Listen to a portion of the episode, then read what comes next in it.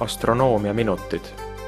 üheksas saade kaheksateistkümnendast jaanuarist kaks tuhat kümme.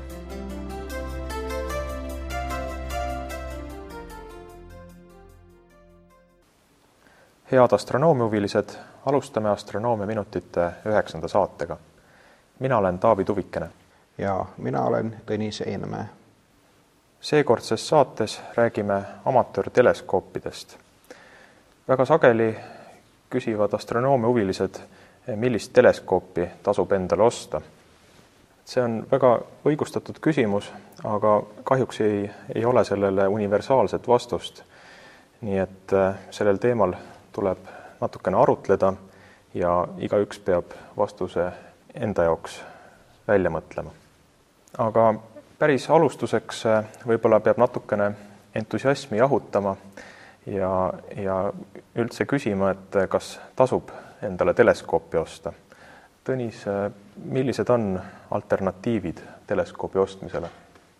alternatiivid teleskoobi ostmisele on näiteks teleskoobi ostmata jätmine kõige esimese asjana. et tähistaevas on päris ilus ka palja silmaga vaadates ja kui on huvi, siis tähekaartide või planisfääride abil omale tähtkujude selgeks tegemine on kah päris niisugune huvitav tegevus, et äh, tähistaevas orienteerumine on pärast teleskoobi kasutamisel juba kah tegelikult üsna, üsna vajalik oskus. ja neid äh, nähtusi, mida palja silmaga saab taevas vaadata, on, on päris palju, et noh, tõesti sellest tähtkujudest ja, ja taeva liikumisest, meteooride virmaliste ja noh, mille, mille kõigeni veel, mida palja silmaga näeb ja isegi teadus saab palja silmaga teha, vaadeldes muutlikke tähti näiteks. juba selline abivahendiga taeva uurimine on äh, kõige lihtsam võib-olla binokli abil. binoklid on universaalsed riistapuud, neid saab kasutada päeval sama hästi kui öösel ja kõige tavalisemad äh, prismabinoklid on, on kõige paremad just selleks tähistaeva vaatlemiseks täpselt samamoodi nagu, nagu päeval tarvitamiseks. niisugune seitse korda viiskümmend tähistusega binokkel, see seitse on siis seitse korda suurendust ja viiskümmend on avaläbimõõt viiskümmend millimeetrit, et see on niisugune päris, päris korralik binokkel.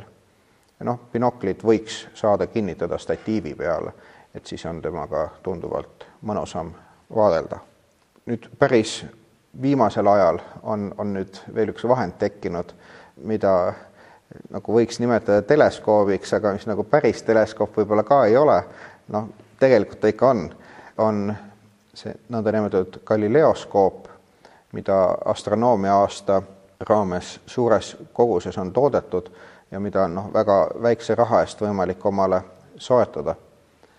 Galileoskoobiga näeb juba päris hästi kuu peal kraatreid ja, ja Jupiteri ja tema kaaslasi ja isegi Saturni rõnga näeb ära.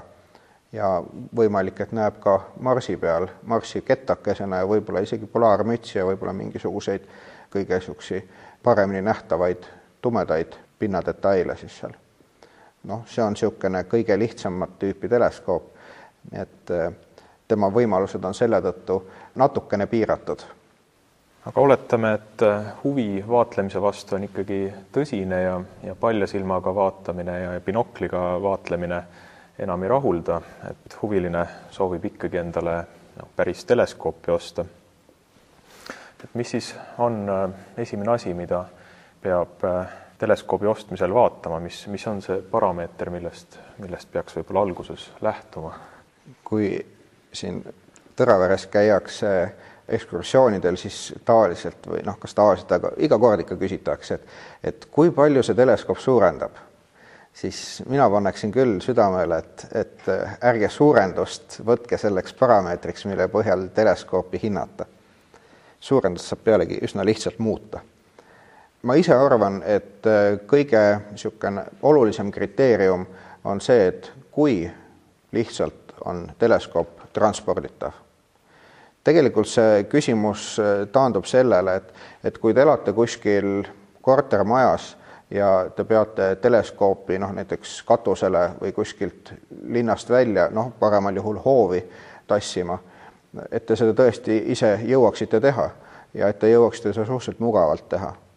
sest noh, elu näitab, et kui on niisugune küll muidu võib-olla väga hea teleskoop, aga, aga üsna raskesti siis äh, vaatluskohta transporditav ja, ja üles seatav või noh, veel hullem, kui selleks on täiesti suurt mingisugust või noh, on mikrobussi vaja näiteks teleskoopi, teleskoobi transportimiseks, siis see, see taeva vaatamise nagu rõõm kipub nagu tagaplaanile jääma, et et, et see transportimisega seotud mured on, on niisugused suuremad ja sellised teleskoobid kipuvad jääma noh, lihtsalt kuhugile seisma panipaika.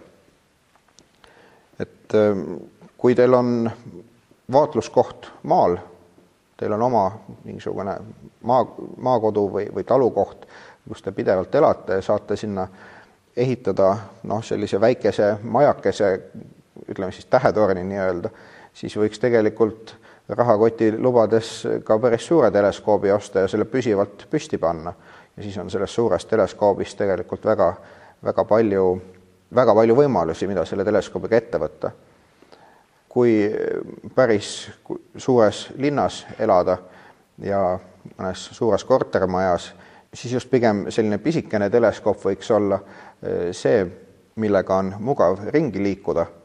Neid on väga erinevaid, noh, niisugused kaheksa kuni kümne sentimeetrise avaga teleskoobid eh, tihtilugu mahuvad kohvrisse ära ja noh, on selliselt lihtsalt transporditavad. Et kui sinna veel mingisugune kolmjalg või, või alus juurde panna, siis noh, tegelikult on sellise teleskoobiga väga lihtne ringi liikuda ja nendega näeb ju päris, päris palju. nii et äh, moraal on see, et hea teleskoop on see, mida, mida saab kergesti kasutada ja mida kasutatakse palju. just nimelt. nii et esimene vahekokkuvõte võiks olla, et kui, kui ei ole teleskoobi jaoks püsivat kohta, siis tasuks mõelda teleskoobi transporditavuse peale, et pigem võiks olla teleskoop kergem, et teda saaks lihtsasti õue viia ja, ja üles seada.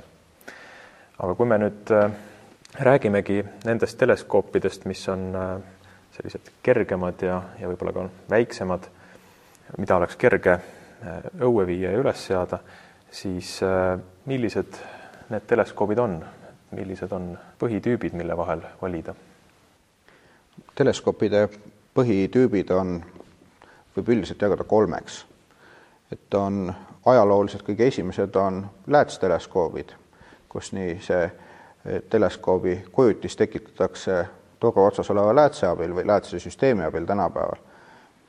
siis eh, sellised, kus kujutis tekitatakse peegliga, need on peegelteleskoobid, neid süsteeme on õige mitmeid erinevaid ja nüüd ähm, kahekümnenda sajandi leiutis on peegelläätsteleskoobid, kus lisaks peeglile on teleskoobil üks või vahel ka mitu kujutist korrigeerivat läätse, äh, mis siis peegli moonutusi kompenseerivad.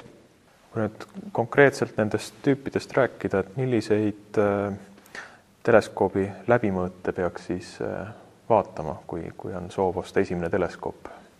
teleskoop on jah, väga erineva läbimõõduga, seesama Galileoskoop, tema objektiivi läbimõõt on, on viis sentimeetrit.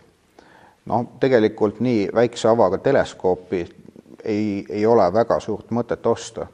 et äh, läätsteleskoobil on see soovitatav äh, ütleme siis ava on seal kuskil seitse-kaheksa, pigem kaheksa sentimeetrit. ja sellised teleskoobid on veel noh, võrdlemisi taskukohased nüüd äh, peegelteleskoopidel on, on see soovitatav minimaalne peegli, peapeegli läbimõõt äh, seal umbes kümme kuni kaksteist sentimeetrit, jällegi võib-olla pigem kaksteist sentimeetrit, sest osa peegelteleskoobi peapeeglist varjab ära abipeegel, millega siis äh, valgust torust välja suunatakse. ja selle tõttu umbes jah, selline kaheksa sentimeetrine läätsteleskoop on võrreldav umbes kaheteist sentimeetrise peegelteleskoobiga oma valguse kogumise võime poolest. ja sama, sama kehtib ka tegelikult nende ehm, nii-öelda läätspeegel teleskoopide ehk katadioptriliste teleskoopide puhul, et see, kõige pisemad on seal umbes üheksakümne millimeetrise siis avaga, aga noh, niisugune juba saja, saja millimeetrine või saja kahekümne viie millimeetrine ava, noh, sellised üsna, üsna levinud suurused, need on, need on sellised, nendega on juba ühte koma teist teha. et on, on täitsa head ja nad on väga kompaktsed, tunduvalt kompaktsemad kui refraktorid või, või peegelteleskoobid. kui sa ütlesid, et äh, teleskoopi ei tasu suurenduse järgi valida, siis, äh, siis ometigi tasub teleskoobi suurendusest rääkida kui nüüd mõelda soovitatavate teleskoobi läbimõõtude peale, et kui, kui suured on siis mõistlikud suurendused, mida nendega saab? optikaseadustest eh, tingitult on tõepoolest sellel suurendusel täiesti niisugune konkreetne piir ja tegelikult rusikareeglina võib ütelda, et eh, selline kasulik või mõistlik maksimaalne suurendus mingi teleskoobi puhul on objektiivi või ava läbimõõt eh, millimeetrites korrutatud kahega. nii et kui on kümne sentimeetrise avaga ehk siis saja millimeetrise avaga teleskoop, siis selline maksimaalne eh, suurendus, mida selle teleskoobiga on mõistlik pruukida, on umbes kakssada korda. see võib olla natukene suurem läätsteleskoopide puhul, kui need on väga head läätsteleskoobid, aga peegelteleskoopide puhul kehtib see eh, selline reegel väga hästi. tolli mõõdus, kuna noh, suurem osa teleskoope toodetakse USA-s ja, ja müüakse USA firmade poolt, siis äh, reklaamitakse ikkagi seal teleskoobi avatollides, et tollides on siis teleskoobi avatollides korda viiskümmend.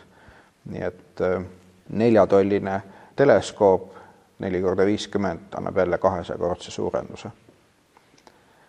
et see oli nüüd jutt maksimaalse mõistliku suurenduse kohta, aga tegelikult teleskoobi suurendust eh, muudetakse okulaari valikuga. Nimelt on teleskoobi suurendus lihtsalt arvutatav, kui teleskoobi fookuskaugus jagada okulaari fookuskaugusega. nii et näiteks ühemeetrise fookuskaugusega teleskoop koos kümne millimeetrise fookuskauguse okulaariga annab siis suurenduseks üks meeter ehk tuhat millimeetrit jagatud kümnega võrdub siis sada korda. Et äh, sellise, sellise okulaariga, sellise teleskoobiga saame äh, sajakordse suurenduse samal ajal, kui nüüd on meil viiekümne sentimeetrise fookuskaugusega teleskoop, siis me saame ainult viiekümnekordse suurenduse sellesama okulaariga. et äh, tuleb mõne koha peal ka teha valik sellest, et, et, et kui tahta tõesti suure suurendusega vaadelda ja teleskoobi fookuskaugus on väga lühikene, et siis need okulaarid peavad olema üsna lühikese fookuskaugusega ja see teeb nad tihtipeale ka mõnevõrra kalliks. aga kui äh, suurendust saab valida okulaari valikuga, et siis äh, tasub teleskoopi ostes äh, osta kohe mitu erinevat okulaari. et millised okulaarid siis tasuks teleskoobiga kaasa osta? Enamike teleskoopidega tuleb tõepoolest kaasa üks ainukene okulaar. nii et see annab noh, sellise ma isegi ei oska, väga erinevad on need suurendused, mida siis erinevate teleskoopidega saab. aga mõistlik on, mõistlik on jah, valida äh, selliseid, selliseid okulaare, mis üks äh, annaks äh, sinna selle maksimaalse suurenduse lähedase mingisuguse suurenduse, siis kuskil sinna vahepeale ja, ja mingisugune, mis annab väikese suurenduse, kahekümne kuni viiekümne korra vahele. Või suurematel teleskoopidel noh, alla saja korra. Et millel on fookuskaugus pikem, et siis nendel alla saja korra. okulaaride komplekti tegelikult selline lisavarustus on nii-öelda või niinimetatud Barlow lääts, see on tegelikult negatiivne selline lääts või jälle läätsegrupp, mis pannakse okulari ja teleskoobi vahele ja neid parallelläätsesid äh, tähistatakse sellega, et kui mitu korda nad siis äh, kasvatavad seda okulari poolt antavat suurendust. et noh, niisugused kõige levinumad on kaks ja kolm korda siis suurendust tõstvad parallelläätsed. ja jällegi okularide valikul tasub silmas pidada, et kui te ostate ka parallelläätse, siis, siis valige okulaarid niimoodi, et need äh, okularid koos parallelläätsega ei annaks samasid suurendusi, mida juba olemasolevad okulaarid ilma parallelläätseta. et siis, kui näiteks äh, üks okular annab suurenduseks viiskümmend korda, siis koos kahekordse parallelläätsega oleks suurendus sada korda ja ei tasu osta okulaari, mis annab ka sada korda suurendust, et siis tasuks osta juba selline, mis annab seitsekümmend viis korda näiteks ja kahekordse Barlow läätsega annab sada viiskümmend korda. just nimelt, et see on, see on jah, selline noh, lihtne, lihtne aritmeetika niimoodi näppude peal, et et aga rahakotis annab see mõnevõrra tunda et okulaare on ka väga erinevaid, erinevat tüüpi ja tihtipeale on just niimoodi, et selliste väga lühikese fookuskaugusega ja väga suure peegli läbipõõduga teleskoopide puhul eh, tuleb kasutada natukene keerulisemaid, just optilises mõttes keerulisemaid okulaare. Need on reeglina mõnevõrra kallimad, noh, isegi päris palju kallimad. et, et niisugune väga-väga hea okulaar võib maksta rohkem kui odav teleskoop. aga, aga selliste väiksemate ja ütleme, pikema fookusega teleskoopide jaoks sobivad noh, praktiliselt kõik okulaarid. Nüüd okulaaride puhul on üks oluline parameeter, mida, mida vaadata ja mida igal pool noh, niimoodi reklaamitakse, see on nende näiv vaateväli. et hästi levinud okulaari tüüp on Plössl, see on siis lihtsalt optikaskeemi nimi on selline ja nende see näiv vaateväli on seal noh, viiskümmend kraadi umbes samas on olemas ka okulaarid, mille näivvaateväli on seal umbes üheksakümmend karekraadi ja kui, kui nende fookuskaugus on sama nendel okulaaridel, millel on viiskümmend ja siis ütleme üheksakümmend kraadi see näivvaateväli, siis suurenduse saate ikka ühesuguse. meetrise teleskoobi küljes saate siis sajakordse suurenduse, kui okulaari fookuskaugus on kümme millimeetrit. okulaari näivat vaatevälja teleskoobi suurendusega jagades eh, saab siis teada selle, et kui suurt tükki taevast tegelikult selles teleskoobis siis näha on. Noh, nii et kui meil oli viiekümne kraadise näiva vaateväljaga okulaar ja suurendus oli sada korda, siis see tegelik vaateväli on pool kaarekraadi, parajasti üks kuu läbimõõt. Aga kui nüüd on selline laia näiva vaateväljaga okulaar, oli see ütleme üheksakümmend kraadi näiv vaateväli, siis on see tegelik vaateväli taevas tervelt null koma üheksa kraadi ehk siis peaaegu et kaks kuud mahuks sinna kõrvuti. Ja just selliste süvataeva objektide ja noh, ka ütleme jah, kuu puhul on selline asi, mida, mida, mida tegelikult palju tahetakse. et, et see, see nagu annab võimaluse teleskoobiga näha väga suurt tükki taevast korraga aga muidugi need laiema vaateväljaga okulaarid on, on jällegi märksa kallimad kui, kui need niisugused tavapärased näiteks Plössl tüüpi okulaarid. nüüd me oleme rääkinud äh, teleskoobi suurusest ehk siis äh, noh, ava läbimõõdust, oleme rääkinud okulaaridest ja suurendusest, aga üks väga oluline teema on ka see, mille peale teleskoop toetada, ehk siis äh, teleskoobi monteering. Ja, ja siin äh, jõuame tagasi jälle selle teleskoobi transporditavuse juurde. et millist monteeringut siis tasub osta ja, ja milline oleks veel piisavalt kerge, et teda oleks lihtne noh, õue tassida, aga samas oleks ka piisavalt stabiilne. et kuidas selline valik teha? hea küsimus on vist sellele küsimusele kõige, kõige parem vastus. tegelikult on jah niimoodi, et et kõige lihtsamad monteeringud on sellised, kus teleskoop kinnitatakse lihtsalt näiteks fotostatiivi külge või, või on mingisuguse kolmjala peal ja teda saab liigutada siis ütleme üles-alla ja paremale-vasakule ja, ja liigutamine toimubki täiesti käsitsi. et mingisuguseid niisuguseid peenliigutamise kruvisid seal juures ei ole. Need on siis asimutaalsed monteeringud. ja noh, selline tavaliselt monteering, monteering kaalubki parajasti nii palju, nagu see kolmjalg kaalub ja noh, need võivad olla ka alumiiniumiste jalgadega, siis nad küll tihtipeale need õhukeste alumiiniumjalgadega statiivid hirmus stabiilsed ei ole ja noh, ega see siis väikse, väikse tuule puhul juba see teleskoop väriseb väga kõvasti seal otsas. nüüd asimutaalse monteeringu kaks sellist eritüüpi on nendel hästi populaarsetel näiteks Schmidt-Cassegrain tüüpi või, või ka siis Maksutovi tüüpi läätspeegelteleskoopidel on kahvelmonteeringud, kus teleskoop liigub üles-alla ja vasakule-paremale nii reeglina, aga, aga see teleskoobi toru asub sellise nagu hargi vahel, kahvliharude vahel siis.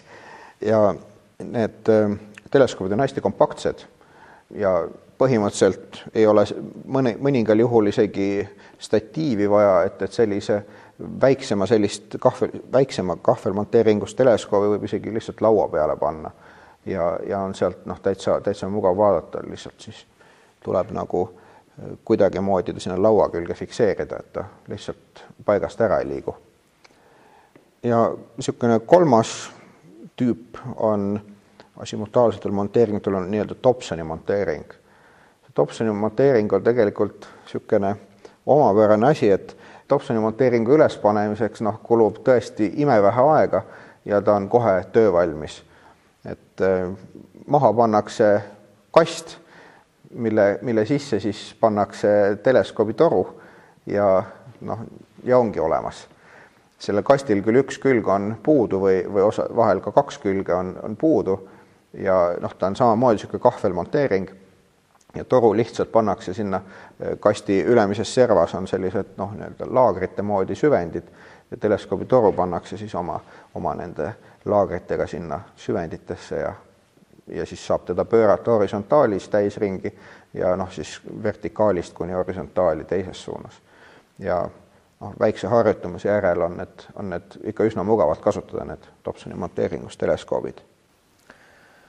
aga nüüd jõuame ikkagi äh, selleni, et, äh, et selline lihtne asimutaalne monteering äh, ei võimalda teleskoopi taevasel objektil hoida, sest maa pöördub ja, ja tähistaevas ka pöördub kogu aeg. et sellisel juhul, kui, kui tahta teleskoopi niiviisi kerge vaevaga objekti peal hoida, siis, siis peaks mõtlema ekvaatorilise monteeringu peale. see on osaliselt tõsi.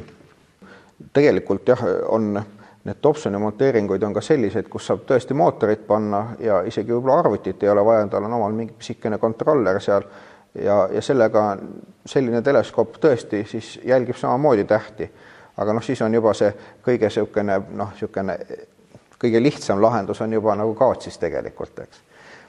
Ja need katodiop-, katodioptrilised teleskoobid väga-väga sageli või pigem isegi reeglina on nii-öelda go-to süsteemiga millega siis ähm, on võimalik kah teleskoopi suunata noh, sisuliselt suvalise, suvalisele tähele või mingisugusele objektile ja peale jah, siis teleskoobile oma asukoha selgeks õpetamist on seda teleskoopi noh, suhteliselt mugav kasutada ja noh, need siis jälgivad kah taevast, kui taevas liigub.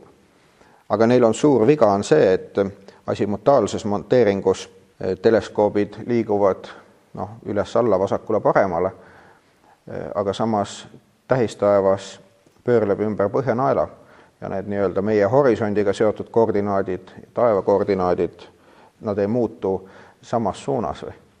et selle tõttu, et kui panna fotoaparaat asimutaalse teleskoobi külge või peale ja siis mingisugust tähte hoolikalt jälgida, näiteks noh, seal paar tundi, siis jah, see täht, mida jälgiti, see jääb küll ilusti punktiks, aga kõik teised tähed seal ümber, ümber pöörlevad et joonistavad kaared. et ähm, kui on jah, juba niisugune suurem huvi äh, tähistaevast äh, pildistada või tegelikult ka noh, jah, vaatlemise puhul ei ole see, visuaalse vaatlemise puhul ei ole see üldse paha. Et siis ähm, oleks mõistlik valida ekvaatoriline monteering. see on nüüd selline monteering, mille puhul üks telgedest, see, mis Dobsoni monteeringul näitas otse pea kohale taevasse, see on siis suunatud põhjanaela poole. nii et teleskoobi polaartelg ja maakera telg on paralleelsed ja kui siis teleskoopi ümber selle telje liigutada, siis ta jälgib tähti niimoodi, nagu tähed taevas liiguvad. ja, ja sellise teleskoobiga jah, on siis eh, võimalik põhimõtteliselt teha ka noh, tundide pikkuste säriaegadega pilte taevast. miinuseks võib-olla võib tuua selle, et eh, kui visuaalseks vaatlemiseks saab selle ekvaatorilise monteeringu paika panna seal noh, minutitega, see silma järgi joondamine põhjanaela pihta noh, on tavaliselt piisav, siis pildistamise jaoks juba tuleb tegelikult väga ekstra vaeva näha, et, et see polaartelg võimalikult täpselt saaks siis äh, õigesse asendisse. ja noh, vahel on niimoodi, et, et näed mitu tundi vaeva, et seda telge paika ajada ja, ja siis saad pool tundi pildistada ja siis läheb pilve aga noh, see on niisugune halb näide, et loodetavasti ikkagi läheb paremini tavaliselt nüüd on olnud juttu erinevatest monteeringutest, aga kui konkreetselt ikkagi läheb teleskoobi ostmiseks ja teleskoobile eh, nii-öelda statiivi ostmiseks, et siis eh, mida peaks eh, silmas pidama, et, et nagu päris ämbrisse ei astuks valikul? kõige olulisem sellel kolmjalal tavaliselt on niisugused transporditavad teleskoobid, on niisugused kolmjalgade otsas et selle kolmjala puhul tuleks vaadata, et ta oleks stabiilne.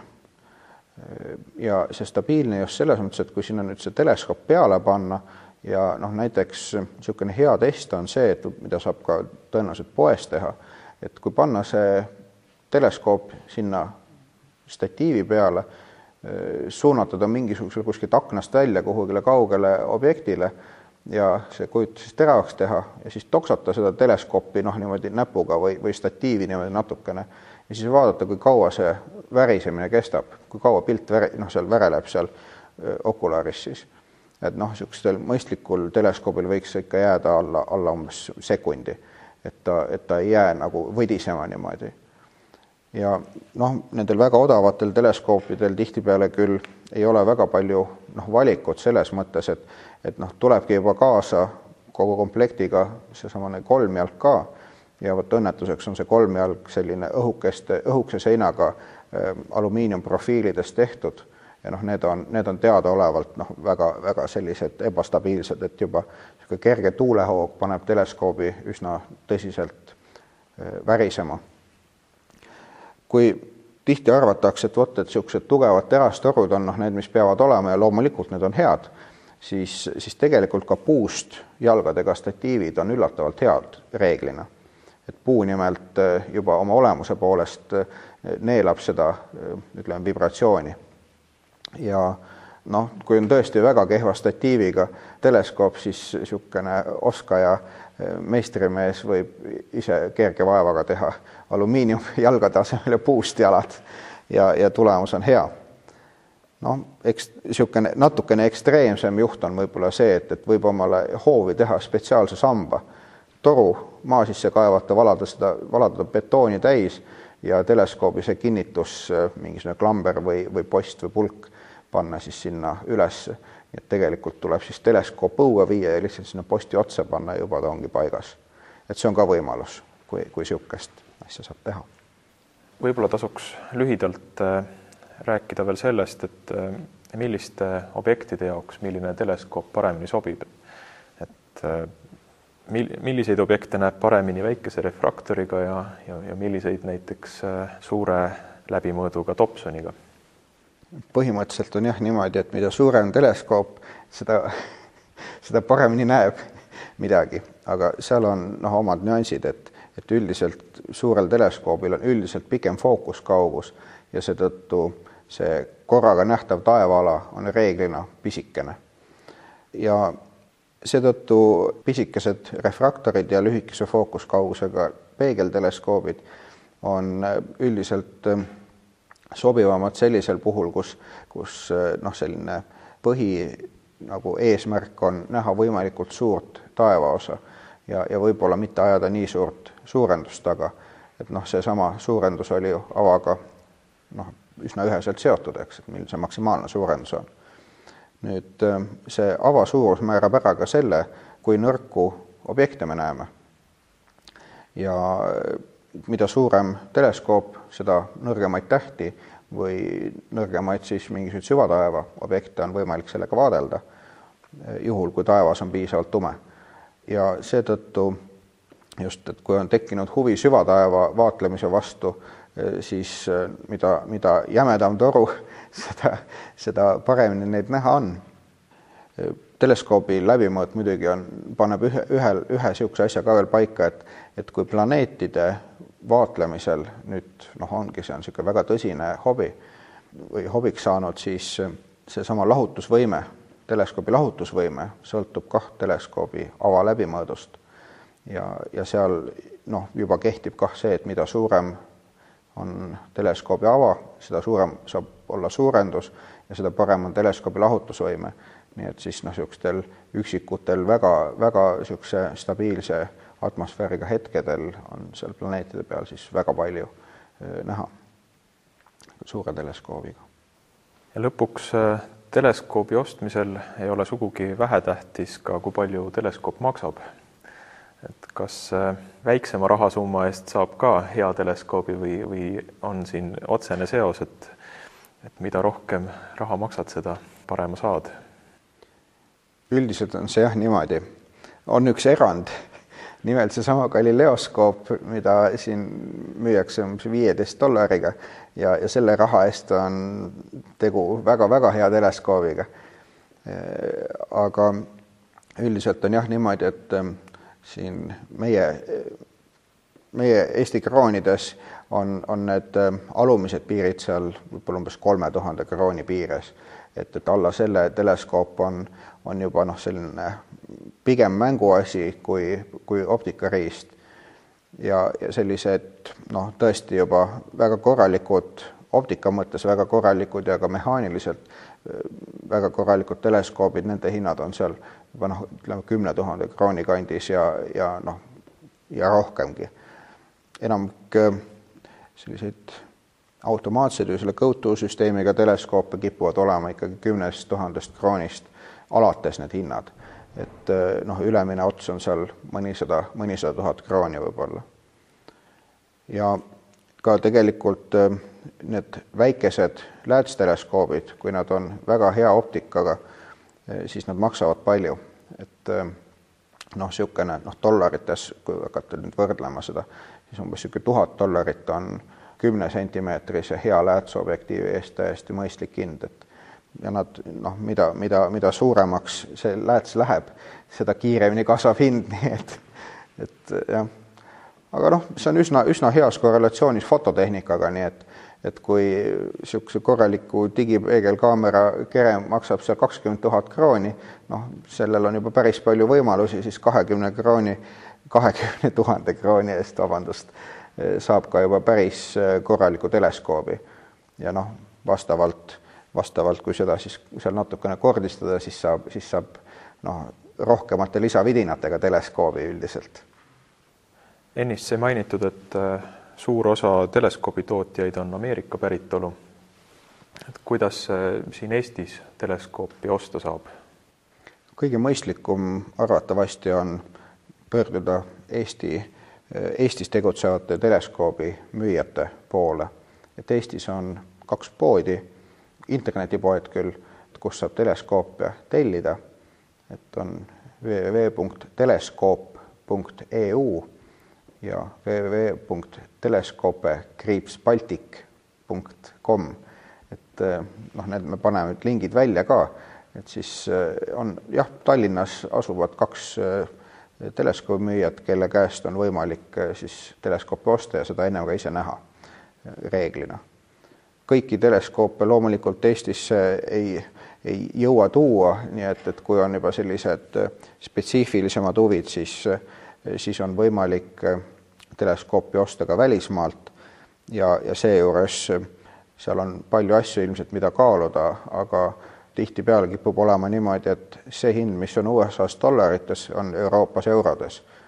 et see, see hinnanumber, et, et USA-st vähemalt tüüpiliselt on odavam neid tellida, kui tegu ei ole väga suurte teleskoopidega, kus transport läheb väga kalliks.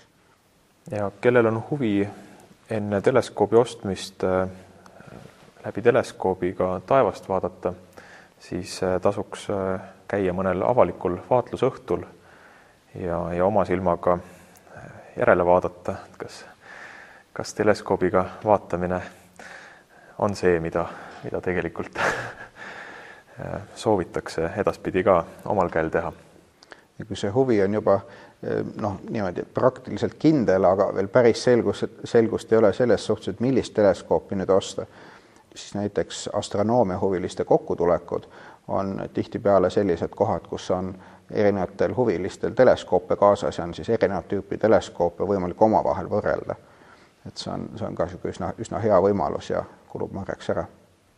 ja kui me nüüd äh, kõiki neid äh, soovitusi, mis me oleme siin andnud, kokku võtame, siis tuleks vist ikkagi öelda, et kõige parem teleskoop on see teleskoop, mida kasutatakse.